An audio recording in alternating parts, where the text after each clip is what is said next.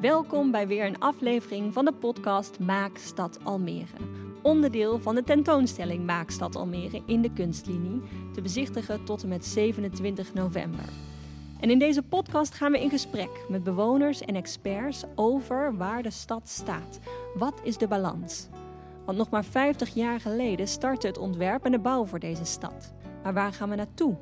Hoe ziet de toekomst van Almere eruit? Wat gaat er goed? Wat kan er beter? Wat staat onder druk? Waar liggen de kansen? We gaan er allemaal over praten. Mijn naam is Sophie Stravens en ik neem je mee in 10 afleveringen over Maak Stad Almere. Elke aflevering spreken we over een ander thema. Vandaag spreken we over Almere 2100. Hoe wil je Almere doorgeven aan je achterkleinkinderen? We hebben als maatschappij heel wat complexe vraagstukken op ons bord liggen.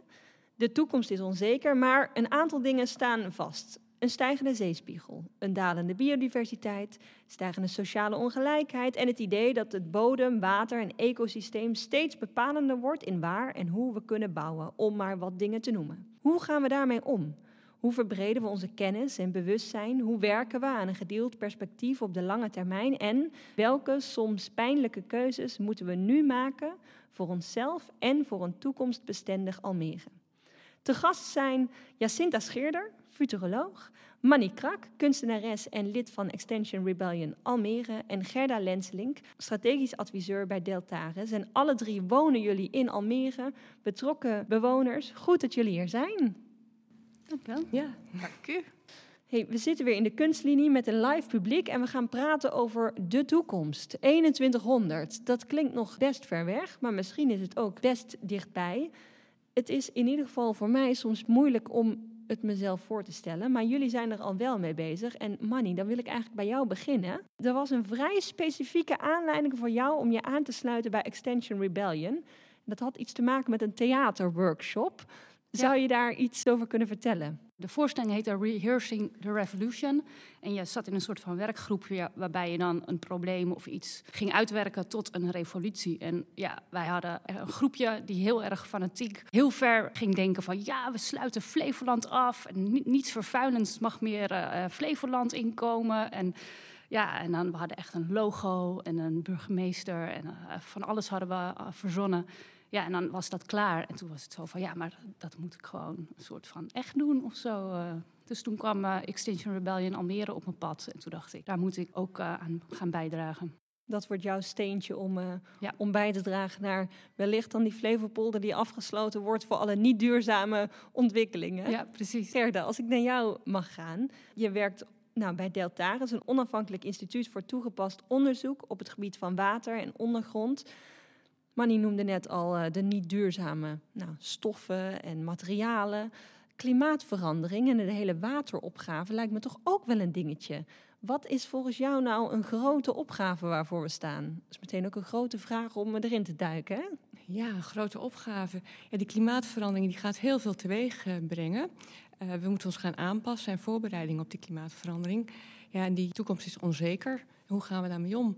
Dus we hebben te maken straks met hittegolven en daar komen nu al branden uit voort. We hebben te maken met droogte. We hebben al drie droge zomers op een rij gehad. We hebben vorig jaar de wateroverlast in Limburg gehad. Stel je toch voor als dat in Almere plaatsvindt. Hoe gaan we daarmee om? Het is helemaal niet meer ondenkbaar. Ja, die zeespiegel stijgt, dat noemde je al. De rivierafvoeren worden anders. De Rijn wordt waarschijnlijk een regenrivier. Het is nu een gletsjerrivier nog. Dat betekent dat er toch wel uh, in bepaalde periodes in de zomer veel minder water uh, ons land binnenkomt.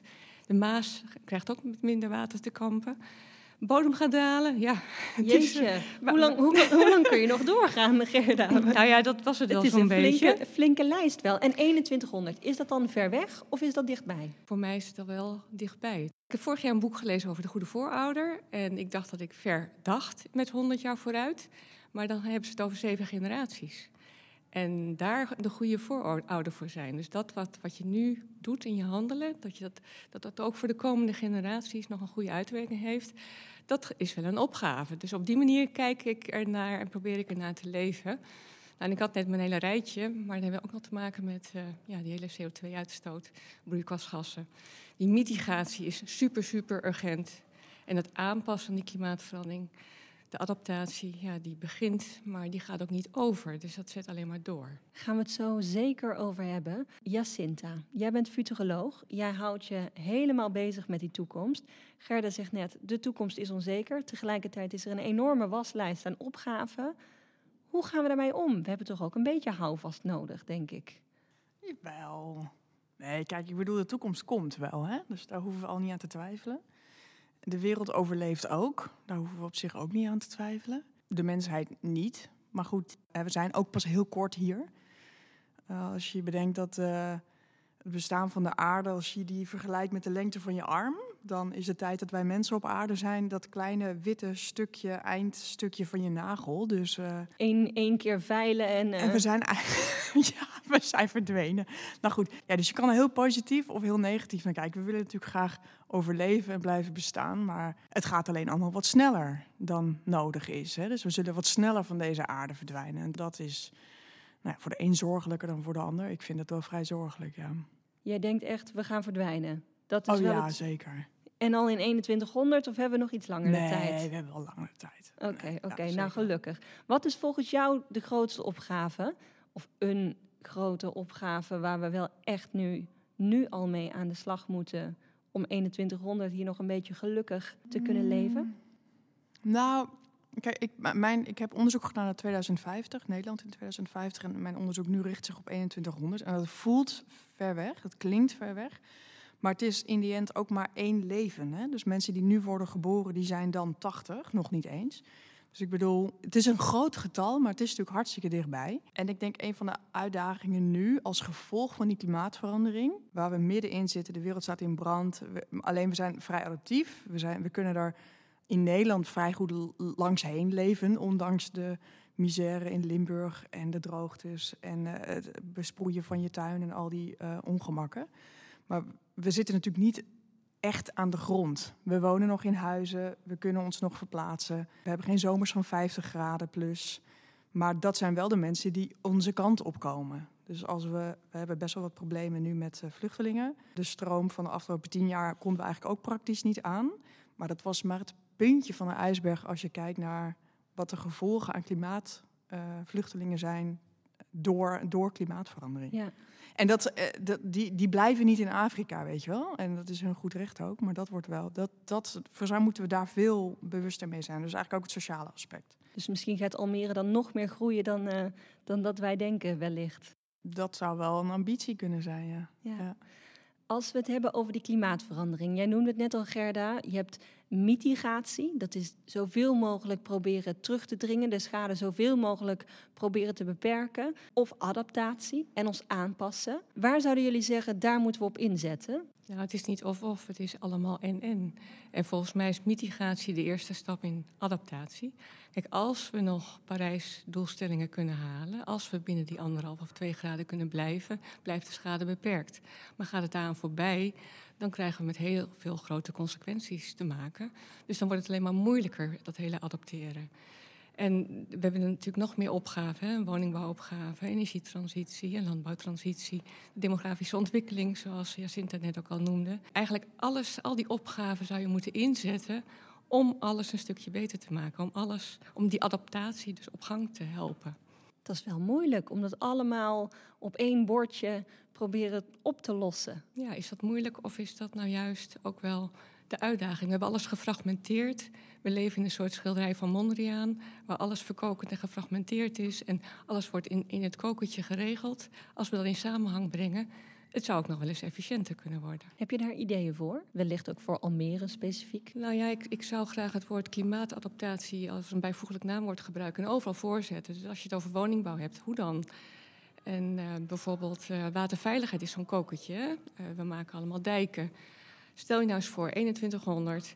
Ik hoop eigenlijk dat de polder dan niet meer die dijklichamen heeft zoals we die nu kennen, maar dat het waterveilige landschappen zijn geworden.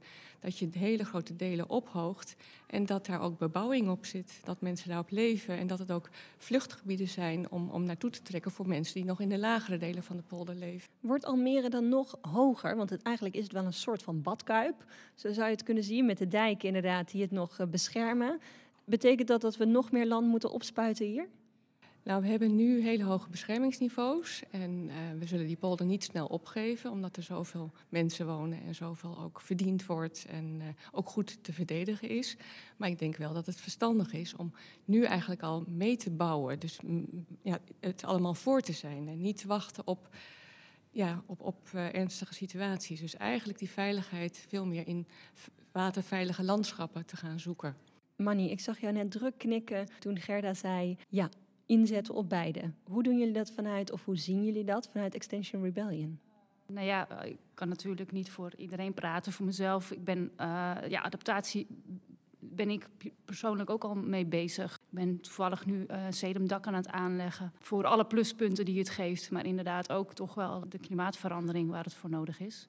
Dus um, ja, ik zie die noodzaak in mijn privéleven eigenlijk ook al. En dat zien nog heel weinig mensen, omdat het eigenlijk nog te onzichtbaar is en heel vaak uh, niet eerlijk over gesproken wordt of een beetje toch uh, in een, leuk goed jasje gezet wordt, waardoor het uh, ja, minder erg lijkt als dat het is. Terwijl uiteindelijk, als je dan alle rapporten ziet, ziet het er niet echt ja, rooskleurig uit.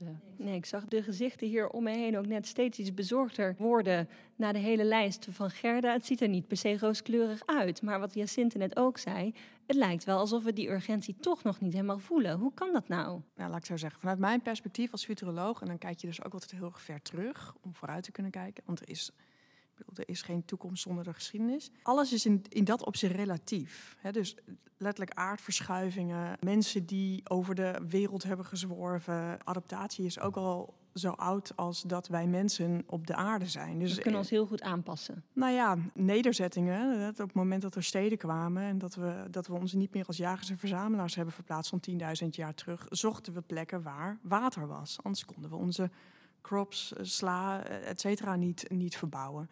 Dus op het moment dat er een droogte ontstaat, in Peru was het 600 voor Christus op een gegeven moment heel erg droog. En die mensen zijn vanuit de kustregio de bergen ingetrokken, want daar is het veel vochtiger.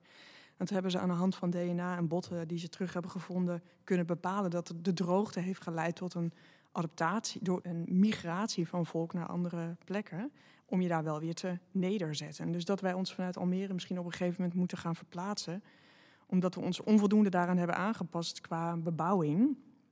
Dat voelt heel heftig, dat is het natuurlijk ook, maar het is ook niet per se iets van morgen of zo. Snap je wat ik bedoel? En we zouden ook kunnen leren van hoe mensen dat dus in het verre verleden al hebben. Hoe kunnen we daarvan leren dan? Nou, door heel flexibel te zijn voor geest. Dat is denk ik één. Dus flexibel dus van geest. Sorry, van geest. Dat je dus niet per se uh, er angstig van wordt. Hè? Maar alles wat verandering is, dat is de aard van het beestje, de aard van ons mens zijn. We zijn bang voor verandering. Er ontstaat een soort weerstand. Dat is ook heel gezond, zou je kunnen zeggen, vanuit het uh, mens zijn gezien. Maar ja, we moeten onszelf misschien toch wat meer gaan trainen in dat die verandering erbij hoort. En zeker in deze tijden van onzekerheid. Ja. Gerda, zitten we hier nog in de 2100 in Almere? Ja, zeker. En ik, ik geloof zelf altijd heel erg in, in veerkracht. Ik heb veel ook gewerkt in de natuurontwikkeling. Ik heb de natuur zich zien herstellen. Oostvaardersplas is een heel mooi voorbeeld. Als je nu ziet wat Marker Wadden doet. Dus wat je eigenlijk ziet in de natuur geeft mij wel ook hoop voor de mens. Maar dan zou je die mens wel op een andere manier moeten neerzetten. Meer als een uh, homo ecologicus dan een homo economicus. Dat geeft voor mij dan wel wat houvast. Ik wil heel graag het herstel van die relatie van mens, natuur en klimaat. Dat we daar veel meer bewustzijn op creëren. En we hebben nog wel tijd, hè? Ik bedoel, 80 jaar. Het is allemaal een beetje relatief. Uh, laten we hopen dat die zeespiegelstijging niet versnelt naar 2050, want dat is een hele grote angst. Maar er is wel tijd om aan te passen. Maar je hebt ook wel decennia nodig om aan te passen. Hoe doen we dat? Hoe herstellen we die verbinding? Is dat afval uh, scheiden? Is dat anders eten? Is dat, is dat een levensstijl of ligt het bij bedrijven? Hoe, hoe doen we dat? Hoe herstellen we die verbinding? Dat, dat, doen we op alle niveaus die maar mogelijk zijn, volgens mij. Tot het allerkleinste persoonlijke niveau. En kun je een voorbeeld noemen? Nou, ik voel me soms zo'n drostenvrouwtje. Dus soms denk ik heel ver weg, daar en straks. Uh, ook internationale verbanden. Zo'n zo rivier als de Rijn komt natuurlijk uit Duitsland en, en, verder weg. Maar ik woon hier ook in Almere. Ik heb een duurzaam huis gebouwd. Daar is over nagedacht. Dus ik probeer mijn eigen handelen het ook wel uh, enigszins duurzaam te doen. Dus er zitten allemaal schaalniveaus tussen. Ja, en ik probeer de, ook een beetje de, ja, een voorbeeld te zijn en de weg te wijzen. En verbindingen, nieuwe verbindingen te maken. Vorige week werd ik heel blij op een verjaardag Daar vroeg iemand over uh, de energietransitie, hoe dat allemaal in elkaar zat en wat uh, de rekening was bij, bij, alle mensen die aanwezig waren. En we zaten ineens drie kwartier, een uur te praten over mitigatie en, en wat er op ons afkomt. En ik dacht, hé, hey, dit is nieuw, dit is toch wel, dit is iets aan het veranderen. En dat geeft mij ook hoop. Het bewustzijn is al groter aan het worden. Ja, het groeit. Manny, hoe doen jullie dat? Hoe zetten jullie in op die verandering? Jij of vanuit Extension Rebellion? Ja, we proberen natuurlijk op verschillende manieren actie te voeren. En eigenlijk wel altijd uh, non-violent, dus uh, geweldloze acties. En liefst ook ludieke acties. In sommige gevallen is het gewoon inderdaad wakker schudden. Zoals bijvoorbeeld flyeren met Black Friday. Ja, je hoeft niet alles nieuw te kopen, alleen maar omdat het goedkoper is. Uh, maar dat zijn ook grote acties tegen de Meta. Hebben we In tegen de, ja, het grote datacenter. Ja, daar hebben we actie gevoerd met, uh, nou, vind ik toch redelijk uh, succesvol. Het komt er niet meer. Nee, precies. Dus op die manier proberen we echt op alle vlakken te zorgen dat er bewustwording van, ja, waar zijn we nou eigenlijk mee bezig en moeten we dat nou wel echt zo doen? Ja. En zorgen dat die verandering er komt. En dat is op burger en op marktpartijen, ja. ook op overheid? Ja, we spreken de politiek ook heel vaak aan op veranderingen en zo. En ja, het zijn drie pijlers eigenlijk die we aanhouden. Wees eerlijk. Nou ja, dat is wat ik al zei, van dat greenwashing soms... Uh, dat banken zeggen van, nou uh, nee, we, we, doen niet subsidiëren in de fossiele industrie. Maar dat noemen ze dan weer anders en dan doen ze het stiekem toch. En doe wat nodig is. En dat is heel vaak ook bij de politiek van... ja, we moeten wel gewoon zo snel mogelijk op een duurzame manier ook... Uh, verder gaan. En de derde is, uh, laat de burgers ook mee beslissen. Want heel veel dingen zijn natuurlijk ook gewoon uh, vriendjespolitiek en, uh, en lobby. maar de, burgers kunnen ook gewoon wel over heel veel dingen meebeslissen op de juiste manier. Maar zeggen jullie wel een dingetje? Want nou, volgens mij zitten we hier met een aantal personen aan tafel die hier gewoon goed mee bezig zijn. Maar als ik nu naar Schiphol kijk, we klagen toch vooral over de lange wachtrijen. En dat ik bij wijze van spreken uh, zo lang moet wachten voordat ik mijn vliegtuig in moet stappen. In plaats van dat we minder gaan vliegen. Het is maar de vraag, het maakt niet uit of dat ik nou wel of niet in dat vliegtuig stap. Dat vliegtuig vliegt toch wel. Of dat ik mijn afval scheid wel of niet. Of dat ik wel dat stukje vlees eet of niet. Hoe neem je nou mensen mee? Want een heel groot deel is toch nog niet helemaal uh, overtuigd. Zelf probeer ik het goede voorbeeld te geven. Dat is uiteindelijk gewoon laten zien dat het helemaal niet zo moeilijk is. Dat je best wel gewoon wat kan inleveren om het uh, op, een, op een juiste manier te doen. Persoonlijk merk ik daar uh, de meeste winst. En gaat het dan snel genoeg? Nee, het gaat zeker niet snel genoeg. Nee. Ik ben echt van opleggen. Je bent echt van ja, opleggen? de tijd is voorbij Regels. van, uh, ja, nou, gewoon, ja. Wat zoals we bij corona hebben kunnen regelen dat... Uh, we vlogen niet meer, we reden geen auto's meer. We konden in één keer allemaal thuis werken, waar alle bazen natuurlijk super bang voor waren. Maar er is gebleken dat dat totaal, in de meeste gevallen in ieder geval, niet heeft geleid tot minder succesvolle bedrijfsvoering, zeg maar. Dus de meeste mensen mogen vanuit dat uh, oogpunt ook nog nu thuis blijven werken. Dus er zit heel veel, ook daar zit heel veel angst op. En ook angst voor een soort weerstand. Terwijl ik denk, die tijd is echt voorbij. We moeten gewoon, net zoals bij corona, ik, ik, geloof niet zo in die nieuwe normen of dat opleggen. Want uh, we halen nu allerlei normen en doelstellingen al niet. Um, of je nou kijkt naar uh, uh, de uitstoot van veenweidegebieden in 2030, wat met 1 megaton naar beneden moet, dat halen we niet. de KRW-doelen in 2027 halen we niet. Maar het is toch nu nog niet echt opgelegd? Stel dat er wordt ja, gezegd, je mag dat, één keer per jaar vliegen zijn... of één keer per twee jaar. We hebben okay. vanaf nu weer elke maand een autoloze zondag, ook met het oog op energietekort. Dat moet gewoon terug. Dat vind ik hoor. ja, ik ook. Stel, we gaan het doen. Autoloze zondag. Zegt de gemeente Almere dan autoloze zondag hier? Is dat een gemeente Almere die dat uh, zou kunnen, moeten doen? Nou, ik, ik, ja, ik denk het wel. Kijk, dat is even uit je, uit je comfortzone stappen of uit, uh, uit datgene wat we gewend zijn. Of, uh, en dat zal ongetwijfeld in overleg met het Rijk moeten. Maar ik zat toevallig laatst aan tafel bij de minister van Klimaat. En daar gingen deze voorstellen ook rond. Ja, dat is natuurlijk ook, ze denken ook, hoe, hoe dan? Maar goed, het, is, het heeft ze wel aan het denken gezet. Ze nemen dat mee als advies naar het ministerie. Ja, ik, ik, denk dat het absoluut ook benoemd moet worden, maar ik denk niet dat het politiek haalbaar is. Dus dat, ja, dat. Hoe is ik, het ik ben meer van, van de weg van de verbinding en dan allerlei touwtjes trekken, onverwachte verbindingen maken om te kijken van wat daar eventueel uit. Ja, het is, het is een langere weg. Heb je daar een voorbeeld van? Een voorbeeld. Um, ja, op het gebied van mitigatie ben ik bezig geweest met een consortium met 40 partijen die met uh, warmte bezig waren om collectieve warmtesystemen mogelijk te maken. En dan moet je allemaal partijen aan elkaar schakelen, en nieuwe afspraken maken, nieuwe financieringsmodellen ontwikkelen. En ook technisch moet het allemaal kloppen. Maar als het dan gaat werken, dan kan het ook ineens een bijdrage leveren. Nou, en dan krijg je ja, standaardisering en opschaling. En dat is meer mijn benadering. Vanuit wie is het initiatief toen gekomen? Dat kwam wel van de overheid. Toch dat van kwam de vanuit overheid. economische zaken. Ja, en de RVO's die hadden een call. Ja. Ik wil toch nog even dan ook weer terug naar dat corona-verhaal. Toen bleek inderdaad dat er een hoop kon. Dat we thuis konden werken, minder vliegen, minder autorijden, um, et cetera. Intussen zijn we weer vrolijk op dezelfde weg waar we voor corona op zaten. 12 april 2022 was alweer overshoot day. Toen hadden we eigenlijk alle bronnen alweer verbruikt voor dit jaar. Nou, dan moeten we nog een aantal maanden door. Heel veel mensen hoopten dat corona de juiste trigger zou zijn. Maar het heeft natuurlijk niet dezelfde oorzaak. Een virus, voorkomen dat dat virus zich verspreidt, is iets anders dan zo'n lange termijn doel van het klimaat. Hebben we een urgenter risico nodig op dit moment?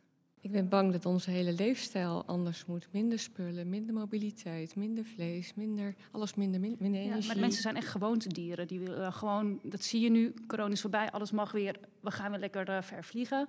Ik denk dat er daarom echt wel wat uh, meer van bovenaf ja, de regels bepaald moeten worden. Zoals inderdaad de, de stappen naar uh, de statiegeld op plastic flesjes. Dat soort stappen, dat, dat moet echt overheid doen. Dat kunnen wij als burger kunnen dat soort stappen niet gaan zetten. Dus ik denk dat dat gewoon heel erg belangrijk is om op die manier de transitie te versnellen. Want ja, bij de mensen zelf te veel neerleggen, dat uh, gaat niet snel genoeg.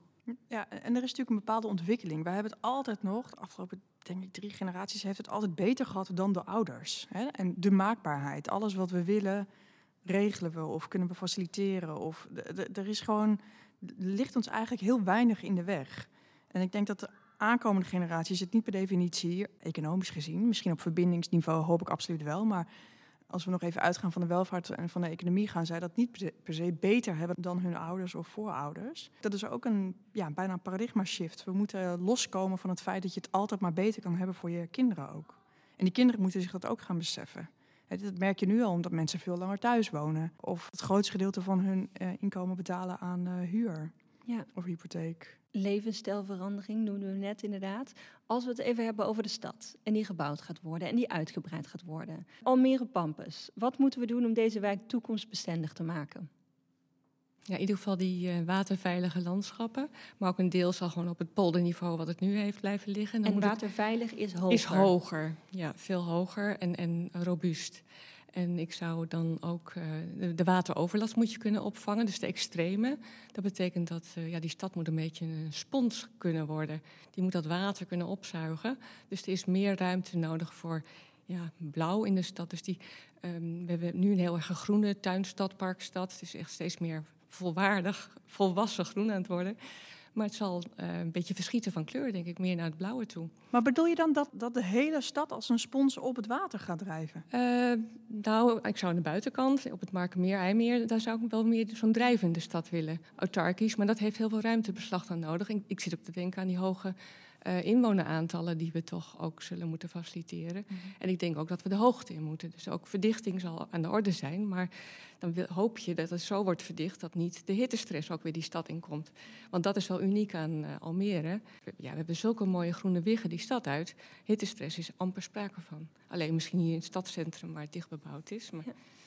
Manny, hoe denk jij dat we daarmee aan de slag moeten? De toekomst, de nieuwe wijken die gebouwd gaan worden. De Almere gaat bijna verdubbeld worden. Nou, als er nog meer ook klimaatvluchtelingen bij komen, misschien nog wel nog meer. Hoe gaan we dat doen? Ja, er zijn sommige momenten als ik dat hele lijstje zo hoor van wat gaat veranderen, denk ik, gaan we dat überhaupt wel redden? Daar word ik altijd toch wel een beetje depressief van.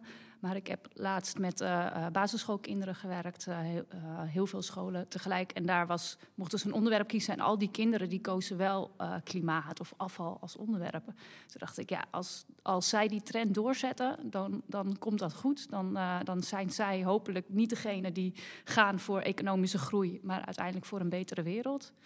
En als zij het uiteindelijk voor het zeggen hebben, dan uh, zal het hopelijk snel genoeg gaan en die verandering wel ingezet uh, worden op een snellere manier. En dan hoop ik dat er geen drijvende stad nodig zal zijn. Nou, misschien ook. Ja. Je hebt, uh, dat heet dan archeologie, is een combinatie van architectuur en ecologie. En dat zijn van die drijvende steden voor zo'n 50 tot 100.000 mensen. En dat, ja, ik vind dat esthetisch prachtig. Maar goed, ik vind windmolens ook heel mooi. Daar is ook niet iedereen het mee eens. Maar, want ik woon zelf dus in Almere Oosterwold en we kijken uit op zo'n uh, massive 220 meter hoog ding. Ja, ik vind het prachtig, echt. Jij zegt wel in my backyard. Ja, ik wil er het liefst eentje, nou niet zo hoog, maar wel eentje die in mijn tuin staat een windmolen. En voor jezelf dan of voor heel Oosterwold? nou, met zo'n relatief kleine molen hoop ik dan mezelf weer te kunnen. Maar het ding is, wat ik eh, zou willen zeggen ook... ik vind Almere echt de plek bij uitstek om te experimenteren. Voor mij is Almere, eh, het staat voor het experiment in Nederland. En ik woon er pas een jaar, ik kom van de Wallen. Dus de shock uh, was best groot eigenlijk toen ik hier naartoe kwam. Alleen, ik heb een beetje spijt van het huis wat wij hebben gebouwd. In die zin, het is een huis wat vaststaat, 70 centimeter boven het maaiveld. Maar als het water komt, en we hebben het over de uh, stijgende zeespiegel, maar ook zeker over de rivieren die buiten hun oevers zullen gaan treden. daar wordt nog weinig over gesproken, maar het water komt ook van de andere kant straks Nederland in. Dat hebben we in Limburg gezien vorig jaar. Ja, dus wij gaan nog, we hebben ruimte om iets bij te bouwen. En dat is ook altijd de ambitie geweest, want dit is een tiny. En wat we erbij bouwen wordt dus een drijvende constructie. Dus het staat, maar zodra het water komt maak ik een soort ark van Oosterwold, zeg maar. Dat, die zo, dat ik hem los kan slaan. Of eigenlijk is dat zo technologisch dat het als het water die innovatieve eh, boot raakt, zeg maar, dat het vanzelf omhoog komt. Kijk, nou dat zijn wel de toekomstscenario's al. Daarover gesproken, als het water omhoog komt, we kunnen ook niet zomaar meer met een, uh, een auto, een fiets, laat staan een ambulance over de straten rijden. Dat zijn serieuze dingen. Ja, daar moeten we over nadenken. Vluchtwegen, terpen. Dit is zo'n site, hè? hoe overstroming heet dat. En ik vond dat helemaal niet leuk toen die site gelanceerd werd. Uh, want ja, dan zie je dat je onder water kunt lopen. En dan? Er werd geen handelingsperspectief geboden. Dus zat ik wel te denken, ja, rij ik dan de polder uit? Heb ik de auto wel bij huis? We hebben één auto, maar die kan ook wel eens ergens anders staan. Toen dacht ik, ik ga gewoon naar de eerste beste flat en klop aan en uh, ga naar de eerste of de tweede verdieping. En toen dacht ik, oh, dat ken ik ook uit Vietnam. Daar is overstromen, wateroverlast. Dat komt daar veel vaker voor, een paar keer per jaar. En mensen leven daarmee. En die uh, sjouwen dan hun boeltje van de begane grond naar de eerste verdieping. Maar dan moet je dus ook je vitale infrastructuur aanleggen op die eerste verdieping. Dus leven met wordt dan een heel ander begrip. En ik heb het vorig jaar in Limburg ook gezien. Het is niet meer zo dat de overheid daar alles regelt. Provincie, waterschap en gemeente doen heel erg hard hun best om die overlast te voorkomen de volgende keer. Maar er wordt ook gerekend op zelfredzaamheid van mensen. Dus je ziet daar drempeltjes voor deuren. En uh, de, de, luikjes naar uh, kelders die zijn dichtgemetseld op sommige delen. Dus uh, de mensen weten wat het is om te leven met water. We leven ook in een polder hier in Almere. Ooit echt als landbouwgrond aangelegd, ook bedacht als de, de voedseltuin van, van Nederland misschien wel. Als we daar de toekomst ook naar kijken. Net buiten Almere dan wellicht ook. Maar wat is daar de toekomst van? Hoe moeten we daarmee omgaan? Er komt gelukkig geen meta, geen datacenter in, in Zeewolde hiernaast. Hoe kijken jullie daar naar? Nou ja, ik zou heel graag willen dat er gezonde, vitale bodem- en watersystemen ontstaan. Dus dat betekent ook einde aan de vermesting en aan de vervuiling en aan ja, wat kun je nog meer zeggen over al die, die gronden? Dichtgereden, verslemte gronden. Dus uh, hoe zorgen we dat, dat, dat die bodem op peil blijft hè, met haar eigen vruchtbaarheid en dergelijke? En dat betekent misschien toch wel iets minder intensief dan we nu doen. We hoeven niet voor de wereld te produceren. En ik begrijp dat dat tegenwoordig al Europese schaal wordt, dat de boeren het daarover hebben. 800 kilometer rondom Nederland. Dat is dan ineens een nieuwe norm. Maar het kan duurzamer dan het nu in ieder geval gebeurt. En het belast gewoon het hele systeem. Daar moeten we vanaf. Niet meer afwentelen, niet meer uitputten, niet meer vervuilen. Duurzaam zo, gebruiken. Zo lo lokaal mogelijk ook. We hebben op zich heel veel dingen al gewoon uh, heel lokaal uh, beschikbaar. Dus laten we het zoveel mogelijk ook lokaal uh, benutten. Toch eigenlijk jouw systeem wat je ooit hebt bedacht tijdens die theaterworkshop. Ja, Gewoon bruggen dicht. Ja. Bruggen dicht en alles hier zoveel mogelijk zelfvoorzienend daarin zijn. Ja. Dat doet me ook weer denken aan in België is het geloof ik verplicht om 5000 liter water op te slaan, vertelde jij, uh, Gerda, in een eerder gesprek. Waarom spoelen wij hier onze toiletten nog door met drinkwater? Ja, dat kan allemaal heel anders. En ik denk dat de drinkwaterbedrijven daar ondertussen ook achter zijn. In, in België gebruiken ze 80 of 85 liter per persoon per dag. Wij zitten op 120, 130. Dat is echt heel veel meer. Maar daar verwacht ik dus wel gewoon, dan maar even met de vuist, overheid, bam. Gewoon aan banden leggen. Moeten we wel natuurlijk een overheid hebben die dat bam aan banden nou, leggen durft te doen. Wat. Ja, ja, dat... Hoe halen we die over, money? Ja, actie voeren gewoon. Uh, Ja. Actie, we moeten, allemaal, we moeten ons allemaal Gewoon aansluiten. allemaal aansluiten bij eh, Extinction Rebellion en je laten horen. En laten horen dat het gewoon anders moet, ook vanuit de burger. En dat die verandering gewoon nodig is. Want eh, ja, weet je, wat betreft wateroverlast en je, je wc doorspoelen inderdaad met drinkwater. Ik loop ook al mijn volgende project als het sedumdak klaar is, zou zijn eh, zoveel mogelijk regenwater in een speciale zak in de kelder, eh, of tenminste onder de grond opvangen en dat water gebruiken. Ja, eigenlijk zou het gewoon op, een, op die manier door de hele stad uitgevoerd moeten worden. We hebben hier best wel dezelfde huizen met allemaal een regenpijp. Ja, bijna niemand heeft een regenton, tenminste niet in mijn straat. Dat ik denk, dat zijn van die hele kleine aanpassingen wat mensen al, nu al niet eens doen. Dus die zullen dan ook al helemaal niet gaan doen. Dus ja, de overheid zal uiteindelijk daar toch ook eh, grote stappen in moeten zetten. Dat kan de gemeente toch doen, of niet? Via de bouwvergunning? Of... Ja, of bouw, als hetzelfde dat je zegt, eh voor bouwbesluiten, ook huizen Ja. moeten één of twee regentonnen hebben. En die krijg je van de gemeente. Ik bedoel, eh, maar goed, een ander ding, kijk, Almere Oosterwold, ik zit hier helemaal niet namens Almere Oosterwold, maar dat is natuurlijk wel die proeftuin. Hè, waar wij de helft van het land moeten besteden aan stadslandbouw. Nogmaals, ik kom van de Wallen, ik had niet eens een balkon. Ik had wel één tomatenplant, maar dat... Daarmee red je het ook niet. Daar- daarmee- Kun je net niet zelfvoorzienend zijn. Maar ik kan niet mijn fulltime job eigenlijk combineren met, met zoveel land. Dus, dus, en dat is niet erg, want daardoor ik ga minder werken om meer op het land bezig te zijn. Om vervolgens meer van mijn eigen land te kunnen eten, minder geld kwijt te zijn eh, in de supermarkt. En nou ja, op die manier echt dat experiment aan te gaan. Dat is nog zeker niet heel groots. eh, wordt dat uitgerold of, of, of aangemoedigd? Of, eh, Maar het stukje tijd is ook wel een dingetje. Want, nou Manny, jij zei net actie voeren. Hebben we daar allemaal wel tijd voor? We hebben genoeg aan ons hoofd. Sommigen die zijn al blij als ze even rustig op de bank kunnen zitten... of als ze het einde van de maand weer halen, als ze een hypotheek kunnen betalen. Hebben we daar wel tijd en ruimte voor om acties te voeren... om ons levensstijl aan te passen, om wat dan ook? Ja, ik, ik voel me heel bevoorrecht dat ik, dat ik daar mijn tijd en mijn energie aan kan besteden. Want er zijn natuurlijk genoeg mensen die daar gewoon eh, hele andere dingen aan hun hoofd hebben dan eh, hun product niet in plastic eh, kopen of eh, iets biologisch gaan kopen, omdat ze er bijvoorbeeld ook geen geld voor hebben. Dus eh, ik eh, voel me heel bevoorrecht dat ik me er wel druk om kan maken, maar daardoor eigenlijk ook wel weer genoodzaakt dat ik me er druk om moet maken voor diegenen die, die dat niet kunnen. Als je geen tijd hebt om het, om het zelf eh, te doen, wat betreft voedsel verbouwen in je eigen tuin. Er zijn, ik koop mijn groenten altijd bij lokaal bij de boeren, de Flevolandse boeren. Er zijn genoeg oplossingen eh, om, het op die manier wel op een duurzamere manier eh, voor elkaar te krijgen. Je moet de weg vinden ook en zo. Ik merk in mijn werk dat ik vaak heel abstract en ver weg en conceptueel denk. En dat probeer te vertalen naar de praktijk.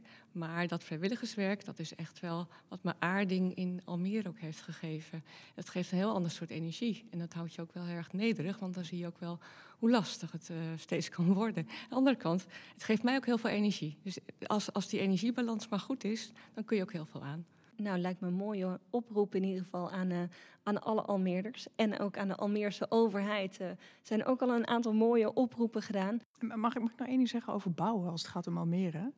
Want er gaan natuurlijk nu, eh, ze zijn druk bezig met, nou, om hoeveel woningen gaat het? Ik geloof Zoiets. 100.000.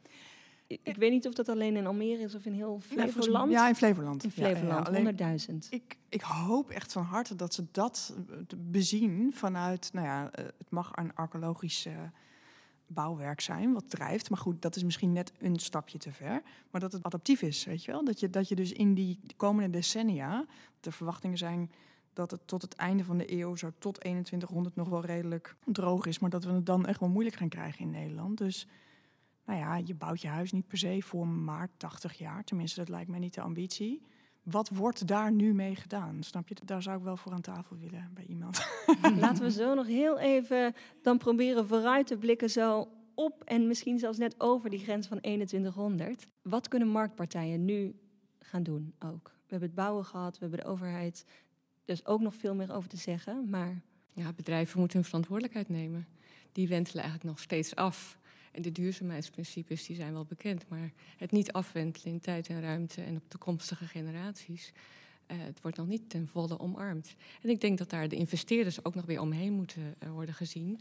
Eh, zolang de pensioenfondsen ehm, daar ook niet kritisch over zijn. Maar die beginnen ook in beweging te komen volgens mij. En de banken moeten daar ook in mee. Dan gaan die bedrijven ook wel schuiven. Dus het is wel een, een hele grote beweging met z'n allen. Ja, inderdaad. de subsidies en ja, de budgetten moeten inderdaad op een goede manier. Uh, je kan het maar één keer uitgeven, dus doe het op de goede manier voordat, het, uh, voordat je het niet meer kan uitgeven aan uh, de slechte dingen. Heb je een goed idee waar ze het aan kunnen uitgeven? Hier in Almere bijvoorbeeld? De Floriade, als het straks afgelopen is, ja, moet het een duurzame wijk worden, begreep ik. Laat daar in ieder geval nu eventjes een positieve omwenteling zijn en het echt zo duurzaam maken dat dat echt als voorbeeld kan fungeren voor ja, de hele wereld. 2100 en misschien nog daar voorbij. Stel, een aantal extremen komen uit. Zeespiegelstijging tot boven de dijken, hitte, droogte. Hoe gaan we leven? Ja, volledig aangepast en misschien wel. Uh, kijk, de, de, de technologie als het gaat om robotica en uh, toch wel half robot, half mens. Die ontwikkeling gaat ook door. Daar hou ik me binnen mijn onderzoek ook erg veel mee bezig. Het zou zomaar kunnen zijn dat we ons zo dusdanig aanpassen dat we minder vermenselijken en uh, meer verrobotiseren als het ware, waardoor we uh, bepaalde uh, dingen aan kunnen. Je zinnige zet op de technologische vooruitgang. Nou, ik, nee, ik ben daar niet per se extreem voorstander van hoor. Maar het is wel iets wat, wat ook niet stopt, snap je? Er zijn ook gewoon een aantal zaken die doorgaan. En waar we nu zitten, daar dachten we uh, als we het over veranderende normen en waarden hebben. We, we, hadden dit nooit verwacht dat we hier zouden zitten. En toch zitten we hier gewoon en hebben we er een vrij rustig gesprek over. Terwijl eigenlijk is, het, is de situatie al vreselijk. Weet je wel, de wetenschappers die van die rapporten hebben uh, gezegd dat dat, het, dat het niet meer te halen is. Het is gewoon naïef om daar nog van uit te gaan. Dus hoe gaan we het dan wel doen? Ik denk dat voordat het zover is, dan zien we het ook al wel aankomen. We monitoren natuurlijk voortdurend. En we zullen strategieën gaan ontwikkelen. Of we gaan meer zeewaarts, of we gaan terugtrekken naar de hogere gronden. Dus het is niet zo dat het ons helemaal overkomt, als het ware. We zien het wel aankomen, maar dan heb je... Nou, ik denk dat je op een gegeven moment nog eh, misschien 40, 50 jaar hebt...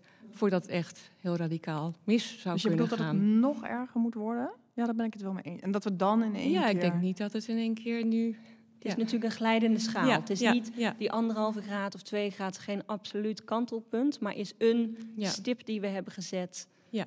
Nou ja, en bijvoorbeeld, eh, we zijn betrokken bij het Delta-programma. En in het Delta-programma denken we dus na over wat betekent het als we zeewaarts zouden gaan. Wat betekent dat in ja, uh, grondstoffen? Hè? Hoeveel zand heb je nodig en wat zijn dan de, de, mogelijkheden? Wat betekent het als je terugtrekt naar de hogere gronden? En dat regionaal uitwerken en uitdenken, dat zijn gewoon verkenningen om meer gevoel te krijgen bij ja, de opties. Hè. Je moet de opties proberen open te houden. En eigenlijk moeten we gewoon nu meer oplossingsruimte creëren. Vergroten van die oplossingsruimte. Ja, maar ik is vrij belangrijk. Dat is, ben ik het helemaal mee eens. Maar, of en, moet ik zeggen. Ik heb een vriendin uit Ghana. En dat is, kijk, zoals wij spreken, spreken wij inderdaad voor Nederland, Almere. Ja. In Ghana is het een drama. Ja. Daar hebben de mensen jaar na jaar verpeste oogsten door de klimaatverandering die wij veroorzaken. Snap je? Dus wij geven onszelf nog 40, 50 jaar. Hebben we tijd om een beetje te adapten. En een beetje ons aan te passen en het leven zo. Nee, maar de vraag was over Almere even. Maar ik ben het helemaal met je eens. Ja, het gaat ik denk op andere dus plekken op de wereld eerder mis. Ja, het is al mis. Is al mis. En ik denk dat we eigenlijk voorbij Almere moeten kijken. Ja, graag. Voorbij Almere kijken. Volgend gesprek? Als, ja, volgend gesprek. Lijkt, lijkt me perfect. Voor als laatste vraag. Zijn jullie hoopvol of toch wel ook een beetje angstig? Hoe gaan we voorwaarts? Zoals ik nu hun hoor praten over de veranderingen die, die gedaan moeten worden, heb ik al zoiets van: oh jee, ik, ik hoop eigenlijk dat als iedereen nu gewoon echt eerlijk is over uh, wat, er, wat er komen gaat, of wat er zal gaan gebeuren als we zo doorgaan, en ook gewoon nu iedereen, alle bedrijven, alle mensen gewoon doet wat, wat nodig is. Die verandering gewoon inzet naar uh, het positieve, een beter klimaat. Dan hoop ik dat met wat ik al zei, de, de kinderen hebben de toekomst. Dat we uiteindelijk redelijk kunnen leven zoals wij uh, nu het leven leven. Neem je verantwoordelijkheid, zeg je, en uh, sluit je aan bij Extension Rebellion om, om die verantwoordelijkheid ook bij anderen even. Ja, ja, weet je, met corona konden we het ook. Toen, toen werd het bepaald voor ons en toen was het in één keer echt nodig en iedereen kon veranderen. Als iedereen op deze manier nu gewoon met uh, de, crisis, de klimaatcrisis die we nu hebben, ook die veranderingen inzet, waar het dan ook mogelijk is. Want het is natuurlijk heel breed. Het is, uh, het is zoveel vlakken waar, uh, waar de klimaatcrisis om gaat. weet je, het is afval, het is opwarming van de aarde, het is stikstofprobleem. Het is zo veelomvattend dat het gewoon als, als gewone burger gewoon ook niet meer, ja, die puzzel valt soms gewoon ook niet meer te leggen. Want je moet gewoon te veel dingen veranderen. Maar als iedereen dat wel doet en het inziet dat het echt nodig is, dan hoop ik dat we dat kantelpunt wel uh, misschien kunnen inzetten in ieder geval. Kijk. Ja. Kijk, met de zwarte dood in de middeleeuwen zijn we de helft van alle Europeanen kwijtgeraakt. Hè? Bijna 50 miljoen mensen. Dat heeft tot een heel nieuw evenwicht geleid. Ik geloof best wel in natuurlijk evenwicht. Dat betekent dat heel veel mensen zullen komen te overlijden. Wereldwijd? Wereldwijd. Door nieuwe pandemieën die zich zullen aandienen. Uh, ja, sneller dan we misschien uh, willen. Door uh, klimaatverandering. Er zijn genoeg dingen waardoor dat evenwicht. En dat is, dat, op die manier maak ik het voor mezelf het positiever. Dat er ontstaat vanzelf alweer natuurlijk evenwicht. Maar dat gaat ten koste van een hoop mensen. En ik denk dat we daar ja, ook mee zullen moeten leren leven. Het is pijnlijk, maar dat is ook wat het leven is. Dat is uh, in ieder geval vanuit de onderzoeken gezien, is dat niet vreemd om het op die manier te gaan bezien. Maar misschien wel heel nieuw en moeilijk. Voelt voor mij in ieder geval ook weer als een uh, flinke wake-up call of een nieuwe trigger om, uh, om daarmee aan de slag te gaan. Gerda. Ja, ik besef nog meer dat kennis verantwoordelijkheid geeft. En ik denk nog meer de leiders, de, de, mensen die de normen maken en de wet, wetten aanspreken op wat ze ook kunnen doen. En dat brede begrip. Dus ik hoop ook op eh, veel uitnodigingen voor verjaardagen de komende tijd. Zodat ik het gesprek kan uh, gaan voeren. Ja, en wat me ook heel erg toch uh, bezighoudt, is die Almeerse pioniersgeest. Hoe we die in broedplaatsen, in experimenten uh, kunnen benutten, kunnen inzetten en behouden. Voor ook in die toekomst. Niet dat dat op een gegeven moment dan verdwijnt, want dat hebben we heel hard nodig om creatief te zijn. Nou, laten we daarmee aan de slag gaan. Er zijn hier in ieder geval in het gesprek een aantal goede dingen al benoemd die tot de verbeelding spreken. Een ark, een drijvend landschap terpen. Ik ben erg benieuwd waar we naartoe gaan werken en ik dank jullie hartelijk voor dit gesprek. Dank voor het luisteren naar Maakstad Almere. Een reeks van tien afleveringen waarin we met inwoners en experts de balans opmaken voor Almere. Deze podcastserie is een onderdeel van de tentoonstelling Maakstad Almere. Een initiatief van Stichting Polderblik en te bezoeken van 8 juli tot en met 27 november in Kunstlinie Almere. In de tentoonstelling wordt de ontwikkeling van Almere in beeld gebracht aan de hand van de geplande, de geleefde en de gedroomde stad. Dit alles wordt ondersteund door een film van architect en filmmaker Jort ten Hollander en vijf visuele portretten van filmmaker Soraya Pol. Het is zeker de moeite waard, dus ga het zeker bekijken. En laat ook vooral weten wat jouw gedachten, ideeën en ervaringen zijn. En waar we het nog over moeten hebben. De onderwerpen voor de laatste twee opnames worden gekozen op basis van suggesties door jou, de luisteraar of bezoeker van de tentoonstelling. Wil je de podcast delen op social media? Vergeet dan vooral niet Polderblik te taggen of gebruik de hashtag MaakStadAlmere. Tot de volgende!